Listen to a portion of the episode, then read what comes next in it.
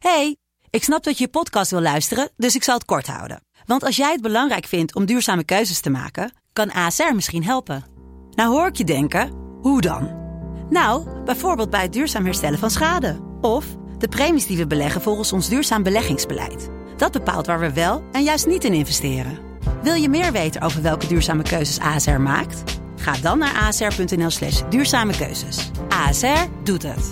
Zo, dan kan je nu lekker naar je podcast luisteren. Hey, ik snap dat je je podcast wil luisteren, dus ik zal het kort houden. Want als jij het belangrijk vindt om duurzame keuzes te maken, kan ASR misschien helpen. Nou hoor ik je denken, hoe dan? Nou, bijvoorbeeld bij het duurzaam herstellen van schade. Of de premies die we beleggen volgens ons duurzaam beleggingsbeleid. Dat bepaalt waar we wel en juist niet in investeren. Wil je meer weten over welke duurzame keuzes ASR maakt? Ga dan naar asr.nl slash duurzame keuzes. ASR doet het.